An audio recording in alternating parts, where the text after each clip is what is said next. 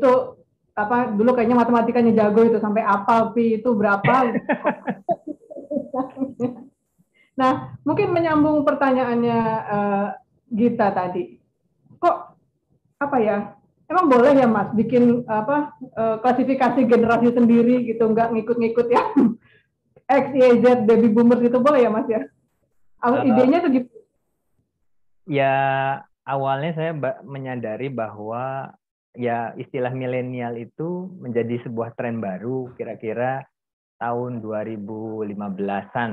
Lalu malah Kompas yang menegaskan ketika harian Kompas ketika mengeluarkan satu halaman utama yang judulnya milenial Indonesia. Tapi L satu artinya sudah dibakukan menjadi bahasa Indonesia.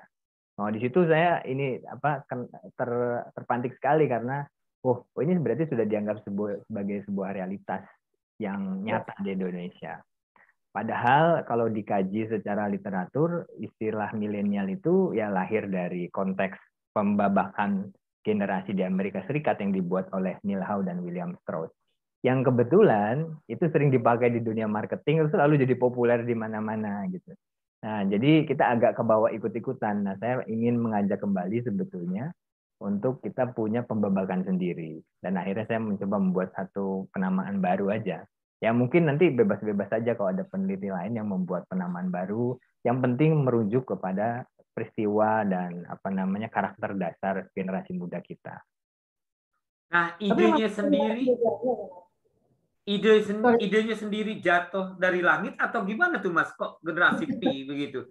Dan dan satu hal, apakah Anda termasuk tidak terlalu berani begitu uh, menggunakan sebuah istilah yang mungkin waktu itu ya yang Mas Faisal cetuskan sendiri gitu. Sementara itu kan udah dipakai di seluruh jagat begitu. Apa nggak terlalu berani? Apa nggak terlalu nekat? Uh, kalau saya... sebelum Mas Faisal jawab saya mau ingat kepada uh, teman-teman ngobrol yang ada di Zoom yang ada di YouTube Silakan mengajukan pertanyaan di kolom Q&A. Nanti uh, akan kita bacakan untuk Mas Faisal karena kalau bukan penanya tamu nggak bisa nanya sendiri seperti kita. Jadi silakan di Q&A saya lihat sudah ada beberapa. Silakan ditanyakan di situ. Yang di YouTube juga nanti akan kami bacakan nanti uh, untuk Mas Faisal. Oke, silakan Mas Faisal sekarang dijawab. Sebelum Mas Faisal menjawab juga, Mbak Amanda kan punya buku pinya kan? Ada buku pinya, bisa ditunjukkan? Nah, ini buku Pi, sedangkan saya yang memegang buku Generasi Kembali ke Akar. Ini hmm. uh, dua karya Mas Faisal yang tentang kaum muda, ya, hmm. budaya kaum muda. Silakan Mas Faisal. Ya di belakang ini tempat kerja saya nih di belakang saya Mas Bobi ada post-it post-it itu ada beberapa reminder saya sebetulnya itu salah satunya ada tulisan kalau menulis itu harus berani mengecewakan orang gitu. Jadi ya iya itu saya tulis di sini nih. Oh gitu. Iya, jadi nggak boleh saya mengerem karena saya takut nanti ada ekspektasi orang yang oh nanti dia kecewa. Enggak, kalau menurut saya itu memang perlu dituangkan itu saya tuangkan. Jadi waktu itu hati saya merasa bahwa ya udah saya mau membuat penamaan seperti ini gitu. Hmm, ini ini ya, sebuah kalau di bukunya, kalau di bukunya tuh uh, kelihatannya makanya saya bilang itu anak matematika banget mas. Ada alfa ada omega theta ini dulu berapa nilai matematikanya? Atau apa ini dulu? Itu sampai lupa itu. Karena mungkin ini mbak Amanda. Jadi kita kan saya mengajak membaca untuk mengulas. Jadi ada semacam romantisme tentang generasi-generasi di masa lalu. Dan bahwa oh. ternyata melihat masa lalu itu sama juga dengan sebuah kerangka yang kita bisa pakai untuk melihat masa depan. Jadi mungkin kalau melihat masa depan itu kan kayak tahyul gitu, tapi sebetulnya secara matematis, secara sains, masa depan tuh bisa diraba-raba sih gitu. Jadi makanya mungkin uh, istilah-istilah uh, alfa, beta, pi itu saya masukkan agar ada ada kesan bahwa sebetulnya kita bisa mengkalkulasi masa depan juga. Oke. Okay. Hmm. Tapi satu hal yang menarik dia, uh, dan saya selalu menemukan dari setiap narasumber ada tips-tips yang buat teman-teman peserta di YouTube maupun di Zoom yang bisa dipetik, mungkin saya garis merahi yang disampaikan oleh Mas uh, Faisal. Kalau kita menulis harus berani mengecewakan orang lain, mengecewakan orang. ini belum pernah loh saya menemukan dari narasumber yang lain. iya, kalau Pak Yosef Batauna mengatakan uh, bahwa kalau kita mau eh kalau kita bisa bercerita, ya pasti bisa menulis. Iya. Di dalam uh, ngobrol uh, proses kreatif yang pertama, narasumbernya mengatakan, ya kalau kita mau menulis, ya menulis begitu kan? Mulailah menulis begitu. Jadi bagi rekan-rekan semua peserta di Zoom maupun di YouTube, setiap kali narasumber yang kami angkat pasti punya tips-tips yang unik yang bisa Anda gali lebih lanjut. Itu yang mungkin saya ingin garis merahi, Mbak Amanda. Kita masuk pertanyaan. Yang pertama oh. siapa, Bob? Ah, namanya yang pertama itu siapa ya? Saya udah mulai pikun Pak kalau nyebut yang pertama Pak karena satu Oktober tahun lalu Pak begitu. Kalau nggak salah Cepi Hakim kalau nggak salah sih. gitu. ya, uh, bagi teman ngobrol yang apa yang baru bergabung beginilah kecairan hubungan kami di komunitas penulis. Kadang-kadang saling mencela tapi sebenarnya saling sayang aja itu bentuk-bentuk perhatiannya Pak Cepi kepada kami dan bentuk uh, perhatian yang Cepi kepada Pak Cepi ya dengan cara mengganggu beliau dengan uh, kutipan-kutipan sendiri. Oke, okay, baik saya akan bacakan dari uh, Q&A ya, silakan. Eh sebentar, ini yang Raden Muhammad itu untuk penerbit. Saya rasa nanti kita tunggu apakah dari penerbit bisa join. Dari oh Dewi Arlita. Gini Mas Faisal pertanyaannya. Pertama, maaf mau tanya gimana caranya agar tidak merasa stuck. Eh, ya sering kali penulis mengalami kebuntuan. Hmm. Yang kedua, pernah nggak Mas merasa dapat sorotan diskriminasi ras saat tinggal di Prancis? Gimana cara mengatasinya? Hmm. Begitu Mas Faisal. Silakan.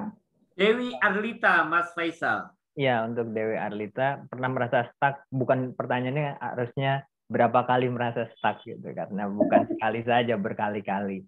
Nah, tapi begini, sebetulnya ketika stuck atau atau kita menyebutnya writer's block ya, ada kalau adik saya kan juga kebetulan penulis kalau dia tuh wah dia nyari ini apa namanya hiburan dia pergi ke pantai atau apa nonton film gitu. Kalau saya ya ketika stuck saya baca buku. Jadi begini atau saya gini saya olahraga uh, tapi sambil mendengarkan kuliah. Karena ketika kita stuck ini teori psikologi ya itu kita sebetulnya menunggu adanya satu penghubung antara satu ide dengan ide yang lain. Jadi kita butuh jembatannya ada yang ada yang kurang nih jadi kebanyakan uh, orang ketika stuck, ide cari hiburan, berharap dari langit turunlah jembatan ide itu. Gitu. Padahal di situ harusnya kita terus aja sambil sabar, kita terus cari mungkin dapat dibacaan atau dengerin lagu, tapi sesuatu yang harus kita secara aktif mencari. Nah, yang paling penting bagi saya selain aktif, ada kita bergerak. Jadi kok nulis tuh mungkin stuck karena kita posisinya sama terus selama berjam-jam gitu kan. Jadi kalau mungkin saya sambil olahraga-olahraga, tapi saya sambil dengerin kuliah, terus dikit-dikit saya baca buku, terus olahraga lagi, itu biasanya lebih lebih mengalir. Jadi stuck itu adalah kita mencari penghubung ide aja. Jadi jangan jangan stres dan jangan pasif, jangan menunggu berharap tiba-tiba turun idenya dan sebagainya. Lalu pertanyaan kedua tadi, pernahkah mengalami diskriminasi? Iya, jadi waktu tahun 90-an sedang kuat sekali saat itu diskriminasi karena lagi ada arus imigran yang sangat banyak ke, ke Prancis. Tapi mungkin baru di, di kemudian hari kan sekarang lihat timnas Prancis di Euro isinya imigran semua. Iya. Jadi agak lebih lebih cair lah begitu. Tapi di era-era itu saya masih mengalaminya. Ada cara mengatasinya nggak Mas katanya? Cara mengatasinya eh, waktu itu ya tetap berusaha untuk mencari teman baik itu orang Perancis maupun dari teman-teman imigran kala itu saya sih. Uh, dan selebihnya ya itu. Saya saya banyak menghabiskan waktu di perpustakaan tuh saya sudah cerita ke Mas Bumi. Karena perpustakaan munisipal dan perpustakaan kotanya sangat lengkap jadi saya banyak baca buku aja. Dan nanti bukunya itu saya ceritain ke teman dan sebagainya Oke. Okay. Jadi uh, itu secara psikologis memang kalau stuck itu harus harus uh, cari ke sesuatu yang baru gitu ya, Mas. Karena ada juga beberapa penulis yang mengatakan justru ya stuck itu kan bagian dari nulis, jadi ya harus dihadapin aja, pantengin aja gitu. Benar nggak tuh? Kalau kalau saya dulu ini dapat satu ide ketika berbicara dengan kawan saya namanya Kang Irwan Ahmed ya, seorang seniman. Dia bilang kalau zaman dulu nih, zaman purba, zaman megalitikum, zaman batu, masyarakatnya itu kalau cari ilham itu dengan huha huha mengintari api gitu kan. Intinya bergerak. Jadi bergerak itu membuat gagasan lebih mengalir kan, inspirasi muncul di kemudian hari ketika sudah bergerak. Oh. Oke, okay. sip sip sip. Mas Bobi mau dilanjutkan? Kenapa Mbak? Mau dilanjutkan pertanyaan lain? Silakan. Iya, ini ini buat saya juga menarik ya. Kalau uh, peserta apa narasumber lain malah menarik diri dari apa yang sedang ditulis, ya, atau bersikap pasif terhadap pergumulan pada saat kita menulis. Nah, Mas Faisal malah enggak, jangan pasif gitu, olahraga terus kembali lagi baca dan sebagainya memang setiap orang unik ya Mbak ya. Dan sebagai seorang penulis juga unik gitu ya. Hmm. Jadi makanya setiap ada pertanyaan ini pasti akan kita bacakan karena uh, jawabannya narasumber pasti beda-beda sesuai dengan pengalaman dia. Maka tadi saya bandingkan gimana kalau uh, ada ada penulis yang bilang justru harus tetap aja plototin itu ya kan itu emang masalah kita sebagai penulis gitu. Ternyata memang kata Mas Faisal tadi kan uh, perlu mencari inspirasi lain gitu Mas Bobi. Iya iya iya betul betul menarik.